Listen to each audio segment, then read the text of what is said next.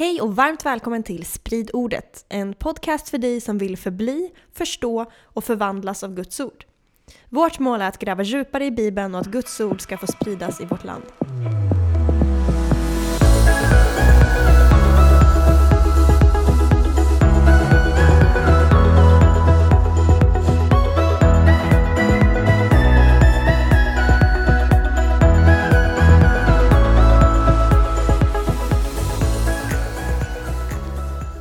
Yes! Välkomna till ett nytt avsnitt av Sprid ordet. Som ni kanske har märkt om ni är frekventa lyssnare så har vi inte släppt varannan vecka här nu och eh, det beror på att vi väntar barn. Så det är ju jätterolig anledning till att vi inte släpper lika ofta. Men vi får se hur ofta vi kan släppa här nu den här perioden framöver. Eh, vi hoppas vi ska hinna spela in lite grejer innan bebis kommer så vi har en liten buffert. Men vi får se. Det beror lite på ork och energi och sådär. Eh, men så kul att ni lyssnar i alla fall och sprider ordet tillsammans med oss. Vi håller ju på nu och svarar på lite bibelfrågor som ni har skickat in, så det är ju jätteroligt. Fortsätt gärna göra det. Ni kan skicka till vår mejl spridordet, nej, hej! at spridordet.se eller kontakta oss på sociala medier som Instagram och Facebook där vi finns. Och idag, idag har vi typ en, två frågor som vi ska prata om och de handlar om Kora. Vem var Kora? Ehm, och vad är Koras uppror? Var det så frågan var ställd, Petrus? Eh, ja, ja, det var en fråga. Och den andra frågan var... ehm, Eh, den andra frågan var Kora som gjorde uppror mot Mose. Hans söner blev ju skonade. Är det hans söner som skrivit psalmerna? De som är skrivna av Koras söner. Mm. För det står i vissa psalmer som rubrik, liksom, skriven av Koras söner. Mhm, mhm. Så vi ska prata om Kora. Där har vi det. Vi kör, eller hur? Ja, vem är det ens? Ja, men kul, kul.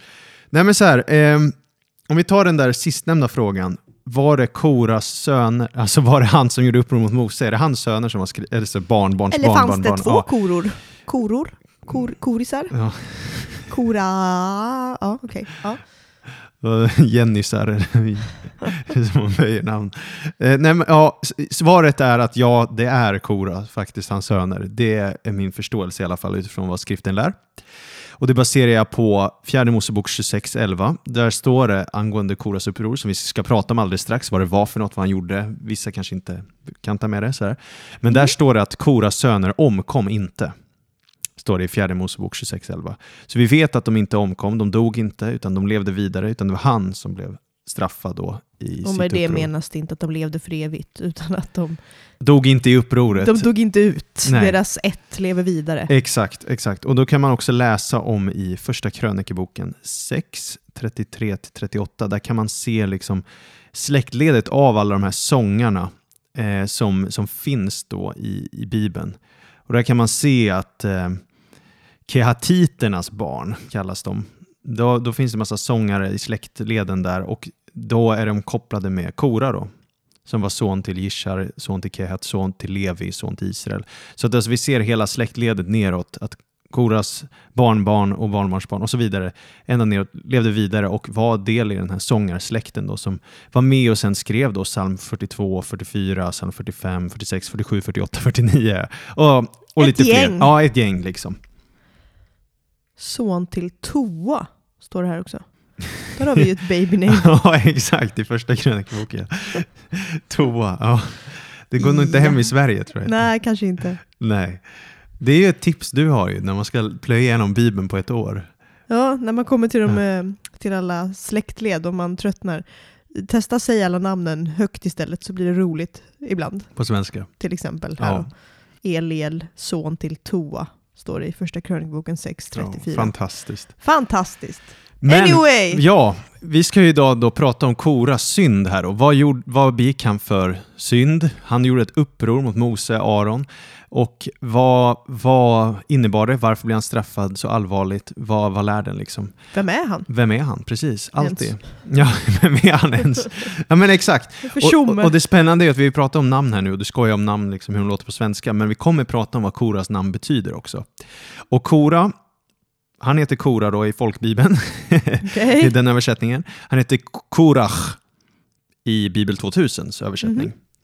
Och just i det här fallet, i den här diskussionen, kommer jag nog föredra Korach som uttal, för att det är det han heter på hebreiska.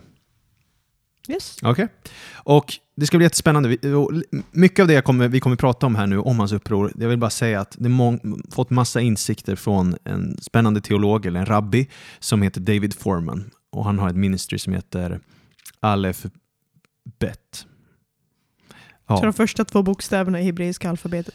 ja, precis. Det har jag verkligen för mig att hans ministry heter. Nu, nej, det heter Alef Beta, heter den. inte Alef Bet. Alef Beta heter den. Ja, hur som helst, han har, han har så här bra undervisning ibland och eh, han har hjälpt mig nu förstå Koras. Nej, men, ja, men han är ju rabbi också, vi måste ju säga det, så han tror ju inte på Jesus som Messias. Nej. Så det betyder ju att ibland så kan det ju... Ja. så man måste ju sålla. Men det här med Koras uppror, han har hjälpt mig se det ännu klarare. Så att jag drar mycket av hans material nu när jag ska prata om det här. Mhm. Så att folk inte bara ser mig som en, vad heter det? Ja, det är bra att säga vilka källor man har, så folk Ja. kan gräva djupare. Ja, Du I tittar på allt själv. Nej, exakt. Jag kommer inte på allt själv. Men, men, men. Så här då, Kora, han nämns en gång i Nya Testamentet, eller Korach. Och det här, han nämns som ett exempel som man inte ska följa. Rimligt. Han är ett exempel på hur de ogudaktiga beter sig. Och det är när Judas, alltså Jesu halvbror, skriver ett brev i Nya Testamentet. Då pratar han om det här i vers 11. Ska vi läsa det igen nu? Ve dem. De har slagit in på Kains väg. De har, ta- de har mot betalning störtat sig i Biliams villfarelse. De har gjort uppror som Kora och gått under. Precis. Så här ger han då Kora eller Korach som exempel på, ja men verkligen Don't try this at home. villolärare är det också, liksom basically. Alltså, eller människor som verkligen går emot Guds väg här. Det är ett sätt som kristna kan välja att göra samma misstag som Kora. Mm. Och vad är det då han gjorde för något? För att det är en varning då i Nya Testamentet att vi ska inte göra så. Och han var ju ändå en del i Guds församling, Guds folk och allt det här. Han var en levit, han, han, eh, han var del i liksom de som skulle tjänstgöra vid tabernaklet, det här portabla templet som Mm. fanns i öknen och han hade ju ändå ärorika uppdrag så. Men han gjorde en allvarlig synd här som vi ska dra lärdom från idag. Så det blir jättespännande. Och berättelsen om eh, Korachs uppror då, det hittar vi i fjärde Mosebok 16. Och det är ju en av alla de här berättelserna när israeliterna vandrade i öknen innan de kommer till det förlovade landet. Eller hur? Så de har blivit räddade ut i Egypten, de går där i ökenvandringen och så här. Och det är en av de berättelserna. Och där är kapitel 16 då i fjärde Mosebok. Några kapitel innan, då har Moses sänt ut 12 spejare för att bespeja löfteslandet. Just det. Och hur går det för dem Jenny, minns du? Det är tio som är, tänker jag på rätt story? Mm. Tio av dem kommer tillbaka och är jättemordfällda och ser bara hur stora fienden är. Och sen har vi är det Josua och Kaleb Yes, som yes. är positiva och litar på Gud och bara yay, det är massa jättar och det är asstor mat här, men Gud har det lagt det i vår hand, vi vinner. Exakt, de bara wow, det här är ett land med mjölk och honung. Det bara flödar över liksom. Det här måste vi ta. Gud har ju lovat oss där, nu kör vi. Medan de andra tio, de bara ja, det bor jättar i landet. Uh, ah, det här kommer nog, det kommer nog bli svårt liksom. Vi stannar i öknen i 40 år till. Nej, så sa de inte. Nej, men det blev konsekvenserna. Det blev ju konsekvenserna då. Eh, och det som händer är för att de lyckas, de här tio då, lyckas ju övertala eh, folket att de, det är en dålig idé. Så folket väljer att tro på dem. Och då blir Gud upprörd. Han, hans vrede upptänds, står det. Och så säger han att den här generationen inte ska komma in i landet. Nu får Eh. ni knåta vidare i öknen, säger han. Ja, ja men så är det ju liksom. Eh, jag vet inte, ska vi läsa det? Eh, Kanske, det, ja, det är inte alltid folk har det färskt i minnet. Vi läser lite från den storyn bara. För det här är, det här är setupen till Koras berättelser. Så om vi läser lite i fjärde Mosebok eh, 14, från vers 26 där. Herren talade till Mose och Aron. Han sa, hur länge ska denna onda menighet knota mot mig? Jag har hört hur Israels barn ständigt knotar mot mig. Säg nu till dem, så sant jag lever, säger Herren. Jag ska göra med er så som ni själva har sagt inför mig. Här i öknen ska era döda kroppar falla, alla ni som har blivit inmönstrade, alla som är 20 år eller äldre, eftersom ni har knotat mot mig. Ingen av er ska komma in i det land som jag med upplyft hand lovade er att få bo i. Ingen utom Kaleb, Jefunnes son, och Josua, Nuns son. Men era barn, som ni sa skulle bli fiendens byte, de ska jag föra in där, och de ska lära känna det land som ni har förkastat. Men era döda kroppar ska falla här i öknen, och era barn ska vara herdar i öknen i 40 år och få lida för er trolöshet, till dess att era döda kroppar förmultnat i öknen. Så som ni nu så som ni under 40 dagar har bespejat landet ska ni under 40 år, ett år för varje dag, bära på era synder. Ni ska då få erfara att jag har tagit min hand ifrån er. Jag, Herren, har talat. Jag ska i sanning göra så med hela denna onda menighet som har rotat sig samman mot mig. Här i öknen ska de omkomma, här ska de dö. De män som Osa hade sänt för att bespeja landet och som vid sin återkomst hade fått hela menigheten att knota mot honom genom att tala illa om landet. Ja, dessa män som hade talat illa om landet dog genom en hemsökelse inför Herrens ansikte. Av de män som hade gått ut för att bespeja landet överlevde endast Josua, Nuns son, och Kaleb, Jefunnes son. Okej, okay, så det var mycket text, men, men det, det, det, är bra att påminna sig om den här berättelsen. Så det är liksom att spejarna gick ut, bespejade landet i 40 dagar. När de kommer tillbaks så var det tio som sa dåligt, två sa bra, let's go, Guds löften håller oavsett motstånd, nu kör vi. Och de här tio som gör negativt tak och påverkar folket, de blir straffade direkt. Och de andra som trodde på den här... De måste dra runt i öknen och vänta på att de ska dö. Typ. Exakt. Fett segt. I 40. Och det här är jätteviktigt nu när vi kommer till Korachs uppror sen. Men, och de vet om det. Liksom. Okej, nu ska vi gå runt här i 40 år och dö. För att, ja, han sa ju det, 40 dagar bespejade de, 40 år kommer ni nu bära den här synden. Hur länge hade de redan gått i öknen? Ja, det är inte länge då. Jag minns inte exakt, men det är inte länge alls. Liksom. De kanske gick raka vägen från Egypten. Precis, ja, det, man kan nog räkna ut det ganska exakt, men jag minns inte från huvudet. Det är inte lång tid alls i alla fall. Mm. Och det som händer direkt när Gud säger det här då, det är att vissa ångrar sig direkt nu av folket och bara säger, nej men nu tror vi på dig Gud, när du säger det här. Trots att du sagt att vi inte kommer komma in, nu ska vi gå in. Och då bara springer de in och försöker ta landet och då får de spö av eh, invånarna där, jättar och sånt där, och blir mm. besegrade och flera liksom får fly och dö och lida. Så här. Med den berättelsen i bakhuvudet, då kommer vi nu då till Korachs uppror som är två kapitel senare. Okej? Okay? Mm. Den berättelsen är ju så här att det börjar med att Korach tar med sig Datan och Abiram, eller Aviram, och gör uppror mot Mose. Så det är egentligen tre män med tre ledare kan man säga, men mm. Korach är huvudledare. Och de lyckas i sin tur få med sig 250 män från Israels folk. Alltså, och 250 ledare får de med sig, alltså högt uppsatta. De samlar verkligen influencers här för att göra uppror nu mot, uppror mot Mose och Aron som är då ledarskapet Gud tillsatt. Om vi, nu ska vi läsa från Bibel 2000 istället. Så om du läser det från vers 3 i fjärde Mosebok 16. De samlade sig mot Mose och Aron och sa till dem, nu får det vara nog. Hela menigheten är ju helig, alla är det, och Herren är mitt ibland dem. Varför upphäver ni er då över Herrens församling? Så vad är det de säger, Jenny? De ifrågasätter att deras ledarskap, eller? Ja. Och vill att alla ska bestämma, typ. Ja, det låter så, eller hur? Han säger hela menigheten är helig. Och vilka är menigheten? Menigheten är ett annat ord bara för församlingen. Okej, okay, så det är alla? Ja, alla. Okay.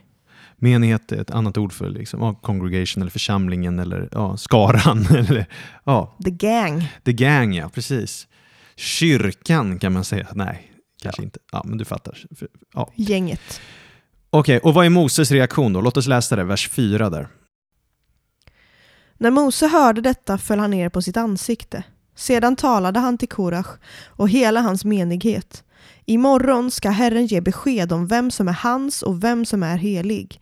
Den mannen får komma nära honom, den som Herren väljer får komma nära honom. Du, Korach, och hela din menighet ska göra så här. Ni ska ta fram fyrfat och imorgon ska ni lägga glöd i dem och strö över rökelse inför Herren. Den man som Herren då väljer är den helige. Leviter, det är ni som har gått för långt. Och Mose sa till Korach, Hör på leviter, Räcker det inte att Israels Gud har avskilt er från Israels menighet och låtit er komma nära honom för att utföra arbetet vid Herrens boning och bistå menigheten som dess tjänare? Han har låtit dig och alla dina levitiska bröder komma nära sig. Men nu kräver ni dessutom att få vara präster. Ni har alltså sammansvurit er mot Herren, du och hela din menighet. Aron betyder ingenting. Det är inte mot honom ni knotar. Okej, Så vad händer här nu? Då, då är det liksom, då, då kommer, då, då, då, då, säger han, då säger Mose så här, att Herren kommer visa vem som är helig. Okej, ni gör uppror här. Det är inte mot oss ni gör uppror, säger Mose, utan det är mot Gud själv. Och nu ska vi få se då. Nu ska ni ta den här fyrfat, alltså vad heter det, en behållare för öppen eld. Och så ska vi och så kommer vi få se vem Gud utväljer då. Och, och ni, ni leviter, ni, ni, liksom, ni är ju den här stammen som skulle få tjäna i tabernaklet. Och det verkar som att det räcker inte för er, för Korah, Korach var ju levit.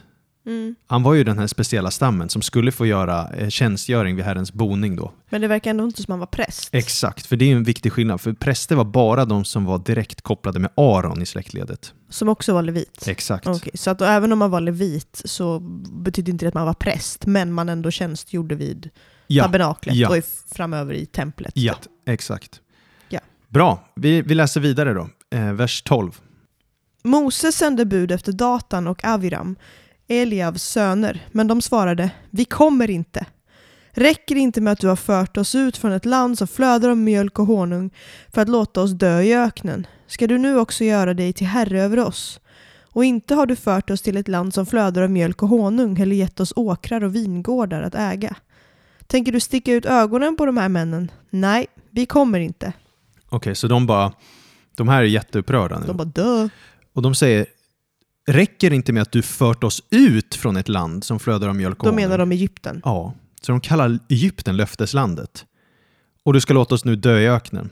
Så de är ju riktigt lack upprörda på Mose här. Och de säger att det är Moses fel att de ska dö i öknen. Då. Eh, och så vägrar de komma. Och vad, vad Mose då, han blir arg, eller hur? I vers 15 där. Mose fylldes av vrede och sa till Herren, ta inte emot något offer från dem. Jag har inte tagit ifrån dem en enda åsna, och jag har inte gjort en enda av dem något ont.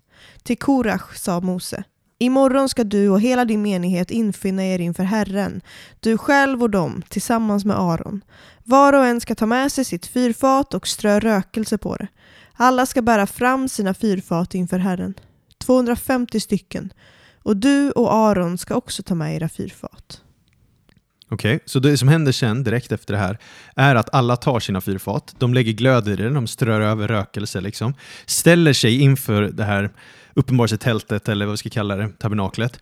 Och, och Mose och Aron likaså. Och så samlar Korach hela sin menighet då och så är de vända mot upp, uppenbarelsetältets ingång. De står där redo.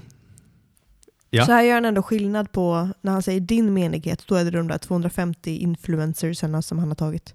Antar jag. Jag tror det, jag tror det. Det ser vi, så ut. Ja, det ser så ut, eller hur? Och då står det sen att Herrens härlighet börjar visa sig. Puff, han dyker upp i sin glory, liksom, i sin härlighet här vid, vid tabernaklet, visar sig. Och så talar han då till Mose och Aron, så säger han Dra ifrån den här menigheten, så kommer jag förinta den på ett ögonblick. Men Mose och Aron, som är goda, liksom, de är ju fyllda med nåd och barmhärtighet då. Så de förhandlar med Gud.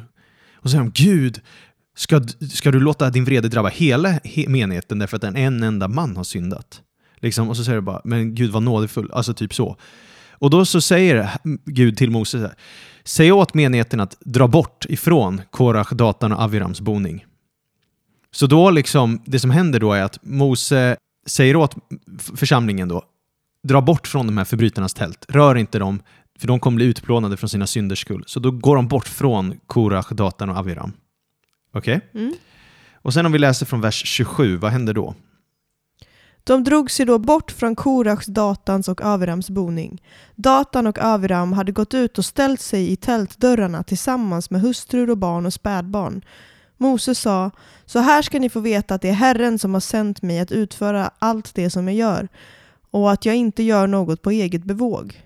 Om dessa människor dör en vanlig död och delar människors vanliga öde, då har Herren inte sänt mig.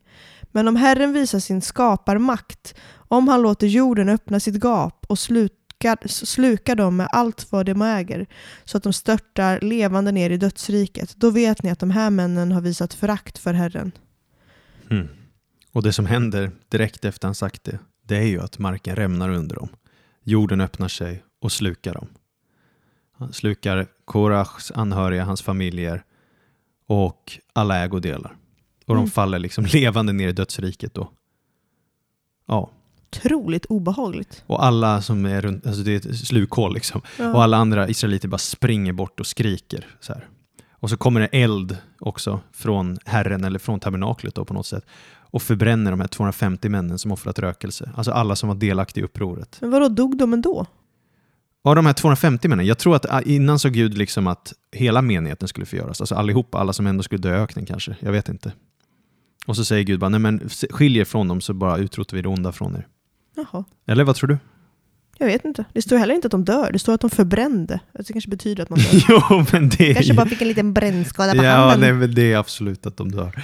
Ja, i alla fall. Och sen då så... Ja, det, det är typ det som händer så här. Otroligt obehaglig story. Ja, Gör, Den- gör inte uppror som Korach. nej precis. Och sen så, eh, eh, liksom poängen är ju då att en obehörig, en som inte är av Arons släkt, ska inte komma inför en tända rökelse. För det var inte så Gud hade sagt att det skulle gå till på. De var helt enkelt olydiga. Ja, exakt. Man ska repre- re- respektera Guds spelregler. Och då om vi reflekterar lite över det här, Korachs uppror. Okej, vad var det för något egentligen? Kaos. Och för att förstå det så tror jag att man verkligen behöver kontexten i varför det skedde just då. Okej. Och vad menar med det? Det är därför vi läste kapitlerna innan, kapitel 14 där. Eh, Men vi kommer komma in på det strax, alltså du vet det här med att de blev nekade förlovade landet. Mm. Och det kommer vara väldigt viktigt. Men innan vi, vi gräver i det bara lite, så tycker jag vi ska gräva lite i Korachs namn också. För vi har ju pratat i vår podd vid till, flertalet tillfällen att namnen är ju profetiska och, och förmedlar någonting ofta i berättelsen. Mm. Till exempel, inte vet jag, alltså Metusela i Första Mosebok kapitel 5. Han är, han, han, han är den äldsta personen och han heter Hans död ska sända. Och när han dör kommer floden det året, Mm. Noas flod. Eller, eller till exempel en ondskefull kung heter Nachash och det betyder orm och han är, gör det som ormen beter sig som. Liksom. Ja, du hänger med liksom. Det namn betyder Så det är mycket. viktigt vilket namn vi ger till vårt barn. Ja, precis. Till exempel. Så Vad betyder då Korach? Korach betyder, ja, alltså det är tre bokstäver då på bibelhebreiska. Kof, reish, chet. På svenska skulle man kunna tänka sig att det är K, R och sen typ CH. Eller Just det, den Ja. bokstaven. den bokstaven.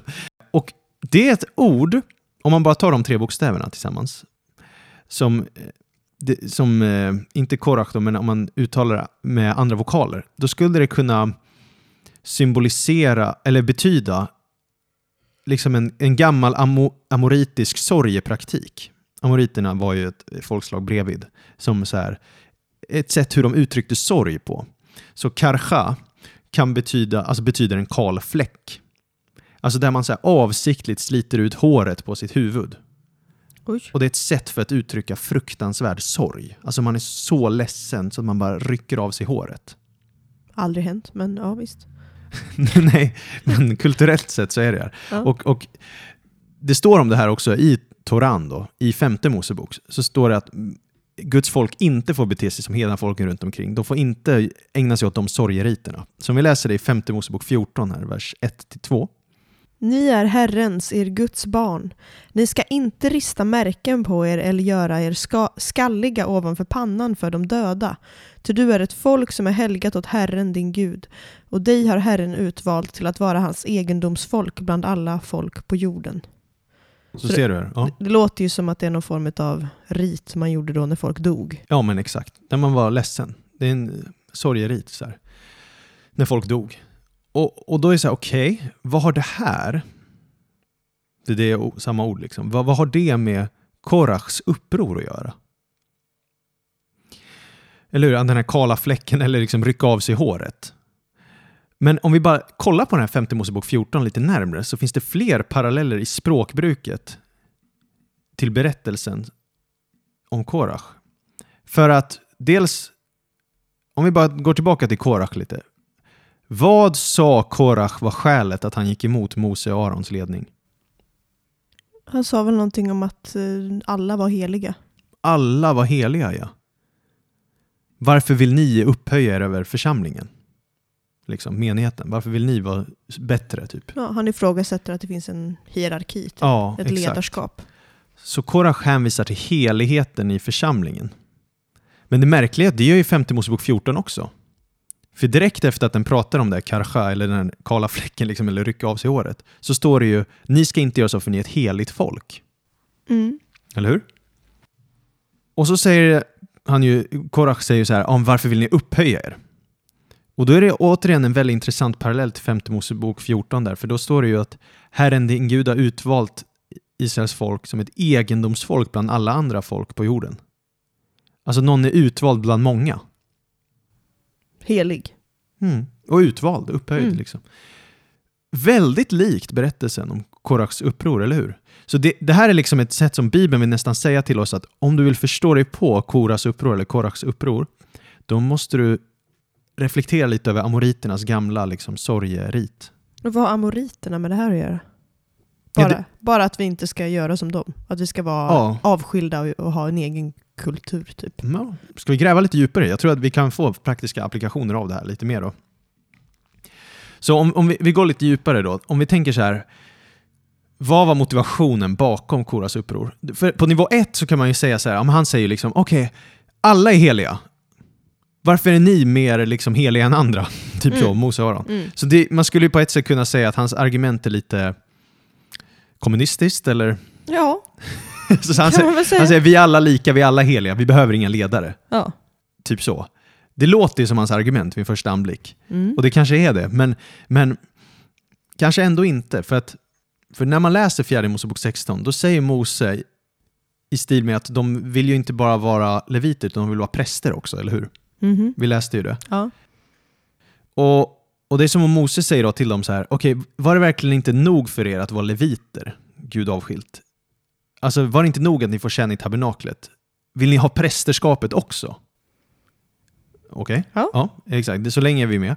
Och då, och då låter det lite som kommunism, eller, så här, eller, eller kan det vara att Korach vill ha makt? ja, det låter nästan lite mer som det. För det låter inte som att han... Eller menar han att alla skulle vara präster? Eller att han och hans levitgäng skulle vara det? Eller hur? Man får intrycket att det är han som vill ha makten. Ja, och att han vill ha med sig sina levitgänget. Men Mm. de andra stammarna, de behöver ju inte vara Ja, eller hur? Eller hur?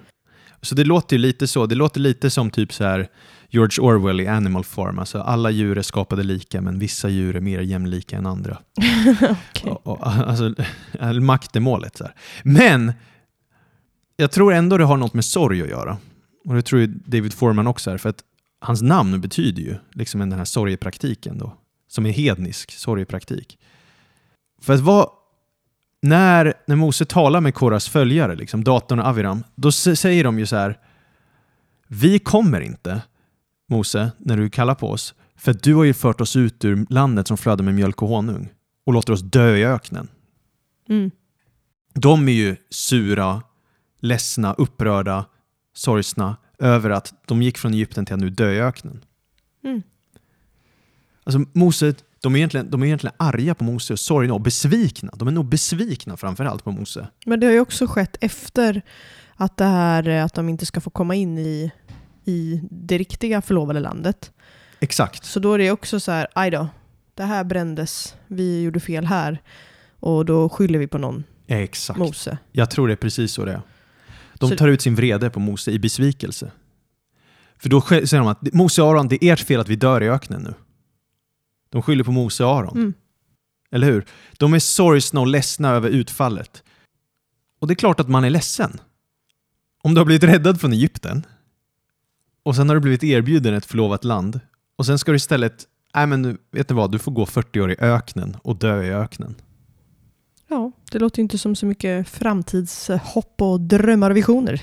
Nej, exakt. Så det präglas av mycket, mycket sorg. Och det, det, står ju om det i fjärde Mosebok 14 också, att när de får veta om allt det här kaoset, då, då, då sörjer de ju. Och det är så intressant, om man börjar tänka på sorg, sorg går igenom olika faser ju. Först är det ju förnekelsefasen, eller hur? Mm. Och det är ju den de genomgår, för när de först blir nekade att komma in i förlådelandet, då förnekar de ju och så springer de och så ska de försöka inta det ändå, ett gäng. Mm. Och så det blir epic fail, vissa dör, vissa behöver fly. Ja, men det är den grejen. Så st- första steget är förnekelse. Och vad är nästa steg i ett sorgarbete ofta? Ilska. Mm. Hur kunde det här hända mig? Och det är ju här då, det påminner lite om det här, okej, hur kommer de nu hantera ilskan som uppstår? De är arga på Mose och Aron, även fast det är deras eget fel. Och ilskan då förblindar de här. Och det är ju då som att så här, Ja men Jenny, en ledare. Vad brukar Bibeln använda för metafor för en ledare? Ett huvud. Ett huvud ja. Och vad skulle man inte göra när man är ledsen och arg och sorgsen och Man sörjer? skulle inte dra av håret på huvudet. Man skulle inte attackera sitt eget huvud. Ah. Hänger du med? Ja. Och sen var det också, du ska inte lemlästa din kropp eller du ska inte rista saker på din kropp. Nej. För det gör hedningarna. Ja. Alltså med andra ord så är det som att när vi är besvikna, när vi verkligen utsatts för besvikelse, sorg, smärta och det väcks ilska inom oss, då finns det en impuls inom oss människor att vilja attackera sig själv. Att attackera huvudet och Mm. din kropp. Att skada sin själv, självskadebeteende. Mm. Men det kan också appliceras då på en communityperspektiv, på församlingsnivå. Så då vill man attackera ledaren och andra medlemmar? Medlemmar i kroppen. Ja. Eller hur? För man vill gå på huvudet och så vill man gå på resten av kroppen. Och det är så hedningarna gör, säger Bibeln. Det är så de sörjer. Men att attackera huvudet, det är en hednisk sed. Liksom. Snälla, låt inte ilska förblinda dig. Låt inte förgöra dig. Ni tillhör Herren, ni är bättre än så. Ta inte ut vreden på ledarskapet. Man, this is deep. Visst är det djupt? Jag tycker det är riktigt bra. För, för det som händer då är att kopplingarna mellan Korach och Karcha, alltså hans namn, det berättar ju då om motivationen bakom upproret. Alltså det är nästan sorg och besvikelse. Alltså besvikelse är det ju. Mm. Sorgen över döden. Att något har dött. Din framtid dog. Mm. Det hopp du hade har dött. Och han väljer då bitterhet. Eller hur? Han blir bitter, han blir hatisk, han blir arg. Och det leder till kollektiv eh, självdestruktivitet. Mm. Medan Guds folk, vi ägnar oss inte åt sånt. Vi attackerar inte huvudet, vi attackerar inte våra ledare, vi attackerar inte kroppen. Hugg inte er själva i en sorg. Alltså, stympa er inte. Nej. Visst är det intressant? Verkligen. Jag tänkte där för en minut i början bara, åh det här är en koppling. Jag bara, hur i hela friden ska du ro i land det här? Men nu maker det sense. Det makes sense va? Ja. Så det blir som en lärdom av det här. När du sörjer, låt inte vreden förblinda dig. Mitt i en sorg så kan ju en kär familjemedlem, eh, eller så här, låt oss säga att en familjemedlem dör. Mm. Och då är man ju eh, sorgsen och allt där. Och då är det som att Bibeln säger, ja men då, låt oss säga att en pappa dör och så ska arvet fördelas mellan syskon. Då i sorg kan det uppstå vrede och då kan man börja hugga sönder familjen för man börjar bråka om arvet, Mm. man börjar bråka om sånt här. Gör inte så. Eller till exempel om du blir besviken på någonting. Något blir inte som du tänkt dig. Attackera inte då medlemmarna i din församling. Attackera inte ledarna. Skyll Mm. inte ifrån dig. Alltså, blamea andra Nej. för att livet blev som det blev.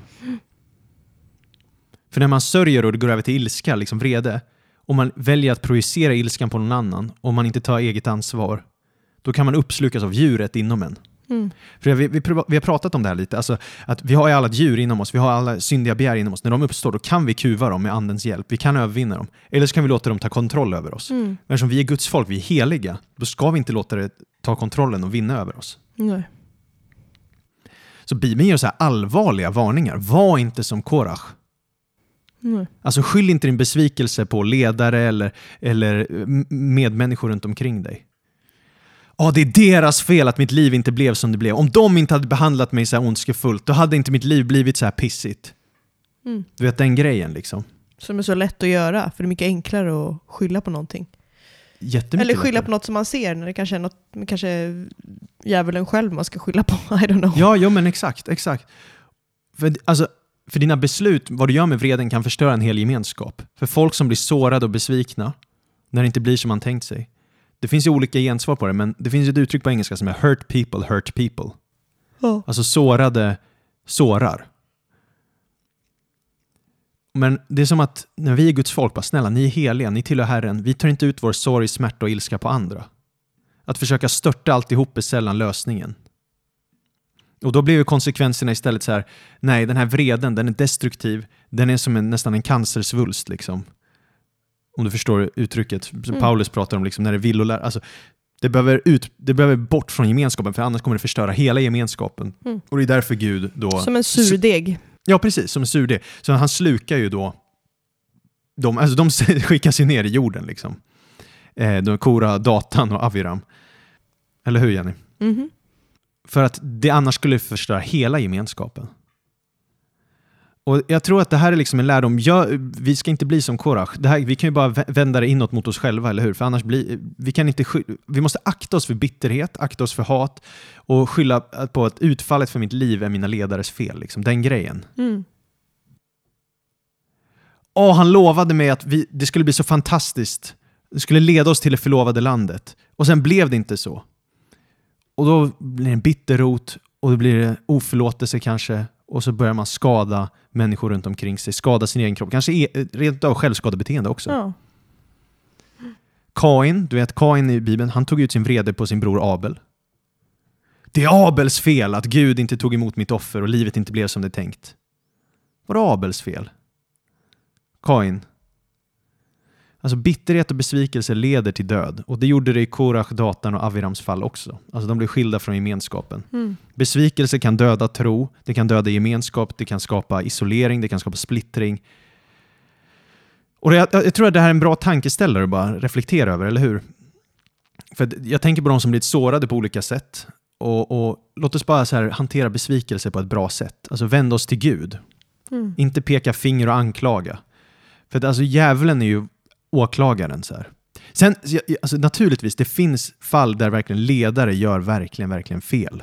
Och då det är deras fel. Det är det verkligen är deras fel. Nu, de, Korachs fall var inte ens ledarnas fel. Det var inte ens Moses fel. Liksom. Sen finns det ju fall där ledarna verkligen har gjort en fel. Mm. Men man kommer ändå inte någon vart i livet om man stannar kvar i bitterhet. Nej, precis. Och och man kommer ingen vart med de här amoritiska sorgepraktikerna. Att skada huvudet, eller skada sin kropp, eller skada människor runt omkring en. Mm. Utan det är ju som djävulens fälla som vill hålla människor fast i bitterhet. Sådär. Och Judas brev varnar för oss, liksom, bli inte som Kora. Mm. Gör inte uppror på det sättet. För det som händer är när du gör uppror mot församlingen, ja, men till exempel om du blir sårad av en församling, så gör du uppror mot kyrkan som helhet. Alltså det är klart, det, den gemenskapen kanske var destruktiv och så, dålig. Liksom. Du kanske inte skulle varit där. Men om man då väljer att aldrig mer tro på kyrkan som enhet och isolerar sig, då har man ju låtit sorgen och besvikelsen äga ens narrativ, äga ens liv på ett sätt som inte Gud tänkt för en. För det skadar ju en själv också. mm, exakt. Utan jag tänker istället att så här, nej, Guds väg är annorlunda. Guds väg är inte hämnd. Guds väg är inte att trycka ner andra för att själv bli upphöjd. Guds väg är inte att löna ont med ont. Utan jag tänker vi ska läsa lite i Nya Testamentet bara så vi kan få lärdom om hur vi ska hantera besvikelse när det uppstår. Så vi inte blir som Kora, liksom Korach. Om vi läser Romarbrevet 12, 17-21 där. Löna inte ont med ont. Sträva efter det som är gott inför alla människor. Håll fred med alla människor så långt det är möjligt och beror på er. Hämnas inte mina älskade, utan lämna rum för vredesdomen. Ty det står skrivet, min är hämnden, jag ska utkräva den, säger Herren. Men om din fiende är hungrig, så ge honom att äta. Om han är törstig, ge honom att dricka. Gör du det samlar du glödande kol på hans huvud. Låt dig inte besegras av det onda, utan besegra det onda med det goda. Amen. Så det är, liksom, det är något orättfärdigt när vi hämnas själva. Alltså Gud är hämnaren. Gud kommer hämnas. Det kommer vara en domedag där han ställer allt till rätta. Så här, alltså Gud är rättvis. Alla som har Mm. sårat människor, allt det, Gud kommer ställa det till rätta. Mm. Men vår uppgift är inte att ta ut hämnden, utan lita på Gud. Så här. Det, det, det är som Ordspråksboken 24-29 säger. Säg inte vad han har gjort mot mig ska jag göra mot honom. Jag ska ge var och en vad han förtjänar. Alltså Mm. säg inte så. Lev inte på det liv, sättet. Lev istället i nåd och barmhärtighet. Mm. Eller som Jesus säger, Jesus säger allt vad du vill att människor ska göra mot dig ska du göra mot dem. Inte vad människor gör mot dig ska du göra mot dem, utan vad du vill att människor ska göra mot dig. Det är Mm. något helt annat. Mm. Alltså det här, välsigna istället för förbanna. Löna inte ont med ont, skymf med skymf, utan vi ska välsigna som vi kallar det att ärva välsignelse. Och jag bara tänker på Jesus Kristus. Han blev förrådd av det religiösa ledarskapet. Mm. Han blev förrådd av vänner, sina närmsta vänner. Han blev utsatt för besvikelse och sorg. Han om någon hade rätten Att bara ta ut i vrede. Tänk dig när han bär korset där. Kan du se Jesus framför dig bara? När han bär korset där och ska precis spikas ut på korset. Bara kasta ner korset och skrika. Det räcker, jag har fått nog med er människor. Jag tänker inte dö för era synder. Ni har behandlat mig för illa. Mm. Skulle Jesus göra så? Nej. Och vi ska vara hans efterföljare. Han säger Fader förlåt dem för de vet inte vad de gör. Mm. Han ber för de som förföljer honom. Han älskar sina fiender. Han väljer inte att eller skada människor runt omkring honom. Eller trycka ner andra eller ifrågasätta varför vissa personer har ledarskapspositioner och vissa inte det och så vidare. Utan han bara litar på Faderns väg, att Fadern kommer upphöja vem han vill och ödmjuka vem han vill. Och att Gud, hämnden är i Herrens händer. Han, är, han ska välsigna, tala gott, löna gott, eh, alltså ja, leva det, heliga livet. Mm. Starkt. Tankar på det? Ja, men det är väldigt rimligt. Ska inte leva i bitterhet och ilska på det sättet, utan som Jesus. Det blir så tydliga kontraster när man lyfter fram Jesus och korsfästelsen mot ja, men, gånger man själv har blivit arg på någon eller sådär. Det är ju plutt ingenting om man Nej. jämför med vad Jesus fick utstå. Och jag undrar också om att om Kor- Korach, om han liksom maskerade sitt språkbruk så att det skulle låta mer nobelt än vad det var. Alltså han var verkligen sur på ledarskapet så han ville bara han ville bara säga, Mose Aron, ni måste, alltså jag är verkligen besviken på er. Och så får han det istället låta snyggt, bara säga, men kan inte alla vara heliga? Kan inte alla vara... Alltså att han maskerar Mm. in det i något så här snyggt heligt språk bara för att... Absolut. Och det är, det är ofta det är så. Bibeln säger själv, bli inte bedragna. Alltså det är lätt att bedra sig själv också. Att man får det att låta som att man har rena motiv och allting. Mm. Men i själva verket så har man andra motiv. Det är därför det är så viktigt att rannsaka sitt hjärta och be till Gud. Alltså som psalmerna, jag brukar be det ofta. Alltså, Herre, utrannsaka mitt hjärta. Pröva min väg och känn mig. Liksom. Se till om jag är på en olycksväg och led mig på den eviga vägen. Den Mm. grejen. Ja.